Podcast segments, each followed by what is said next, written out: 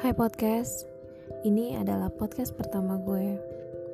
Tujuan gue bikin podcast ini adalah untuk merefleksikan kehidupan gue ke dalam suara, kisah lebih tepatnya, sebagai story hidup gue dan untuk kenang-kenangan buat anak-anak dan suami gue. yeah, like that.